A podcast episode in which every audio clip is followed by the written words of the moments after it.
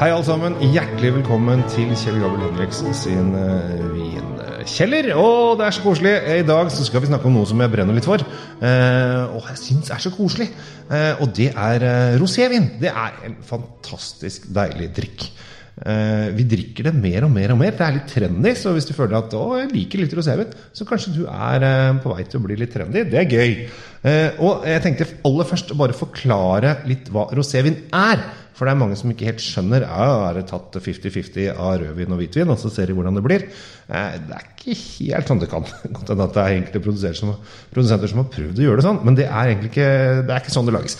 Det de gjør, tar det veldig enkelt, eh, dette her. Det de gjør, er at de tar en eh, rødvinsdrue, eller si en blå drue, og så mm, høster de det inn, og så tramper de det, og så lar de den ligge oppi en svær tønne sammen med skallet. Når det har gått eh, kanskje maks 48 timer, så presser de det sånn at skallet blir eh, borte. Og så er det bare liksom, saften, det som er inni druen. Du vet, Når du åpner en, en blå drue, så er den ofte grønn inni. Eh, og da har, det som har skjedd da, er at den eh, saften som kommer ut, har blitt påvirket lite, bitte, bitte grann av den røde fargen i skallet, som har fått det som heter skallkontakt. Som gjør at den får en eh, litt sånn eh, rosa, artig smak. Hvis du f.eks. lager rødvin, så lar du bare skallet være oppi kjempelenge. Eh, og hvis du bare skal lage hvitvin, så tar du ut skallet med en gang og bare presser ut saften, og så bruker du saften. Eh, det er mange hvitviner som er laget på røde druer. Eh, f.eks. champagne. De er laget på røde druer, som regel. Og masse forskjellige hvitviner som lages på røde druer. Så akkurat den der, den der er, ikke, det er ikke uvanlig. Men akkurat for å lage rosévin, så tar du da og har skallkontakt i opptil vanligvis 48 timer.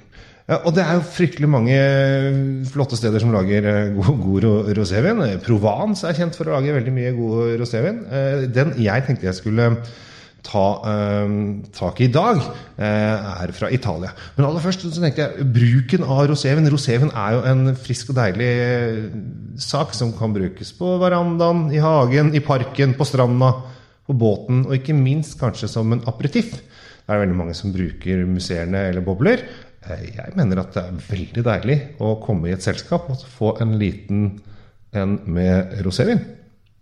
Da eh, får du en litt sånn frisk start på spesielt brylluper og sommerfester og hagefester og slike ting som er på sommeren. Det er, dette er en helt klar sommerdrikke eh, rosévin. Jeg er veldig sånn har delt inn året inn i, i uh, områder. Uh, og om da drikker jeg det, og da drikker jeg det, da drikker jeg det. Rosévin drikker jeg, og det er meg personlig, drikker jeg fra slutten av april til uh, juli. Og så går jeg litt over i hvitvin, og så begynner jeg med rødvin. Rødvin er liksom den store vinterhalvårdelen min. Men eh, som sommer nå, nå begynner jo, i hvert fall noen steder, har jo fint vær. Og da er det deilig å åpne en flaske eh, rosévin og kose seg med den. Den eh, jeg skal snakke om i dag, er, finnes stort sett på alle pol. Det er det som heter basisutvalg. Eh, jeg sjekka rett før jeg satte meg ned nå, og den fins på 216 pol. Og det er ganske mange. Den er eh, Jeg syns den er kul eh, fordi at den er lagd på samme drue som man lager Barolo og Barbaresco. Dette er en ordentlig tøff, kul drue å lage roséen på. Den heter Nebbiolo. Eh, og den er eh, egentlig da mest brukt til å brukes til å lage eh, rødvin, men nå har de også testa den ut til å lage rosévin. Denne vingården ligger midt mellom Torino og Milano, litt grann opp mot Alpene, i et, en liten by som heter Gemme. Eh, og denne her vinen har jeg testet ut mot mange andre roséviner. Både italienske, franske, tyske, eh, amerikanske osv. Og, og jeg syns den kom helt klart best ut. Vi snakker om eh, vinen som heter Ioppa. Ioppa Colline Nor Norverselli de Biolo Rosin heter den. Eh, og en som eh, rosévin ofte er, så er det ikke altfor dyrt. Koster 135 kroner. Eh, har en eh, ganske lys rosa farge. Eh, og er da kjempelett tilgjengelig. Det som er greia med rosévin, er at du bør drikke den stort sett med en gang. Selv om faktisk så vil denne vinen her, i og med at den er laget på Nebbiolo, eh, ha en mulighet til å kunne lagres kanskje ett og to år. Men da forandrer rosévinen seg helt. Da går den liksom fra å være den friske, lette til å bli tung og kanskje litt rund og mørk og litt sånn rødvinsaktig. Altså Den friskheten forsvinner litt, og den blir mer rund. Eh, Så hvis du vil lagre, så kan du det. Det er ikke optimalt, men det går an. Jeg har til og med smakt eh, roséviner fra Gemmet eh, som er fem, seks, syv, åtte år gamle. Og de funker fortsatt. Det er ikke noe galt med vinen. Det har blitt en helt annen type vin. Ikke så friskt og lett, men det funker å drikke det.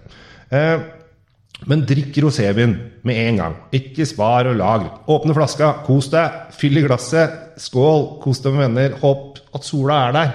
Eh, Dette her er jo veldig mange av dere som reiser utenlands. Dere drikker jo rosévin når dere er på ferie, og da er det jo så deilig når det er varmt og deilig. Og det er det det skal gjøres. Eh, Man åpner ikke rosévin til nyttårsaften eller julaften hvis det ikke er operativ. Eh, Så den er ung, saftig. Kanskje litt preg av noe røde og mørke bær i vinen. Og Også litt sånn syrlig og fint på litt sitrus og litt urter. Så jeg vil anbefale dere alle å gå ut og prøve i Joppan til, eh, fra Gemme i eh, Italia. Og da var dette her ukens anbefaling. Jeg ønsker en riktig god vinopplevelse. Eh, kommenter gjerne, og nyt og kos dere. Og vin skal være spennende, utfordrende, lærerikt og bare stort sett en glede. Som det, Kjell Gabriel Henriks takker ut og sier ha det bra. Kos dere med vin.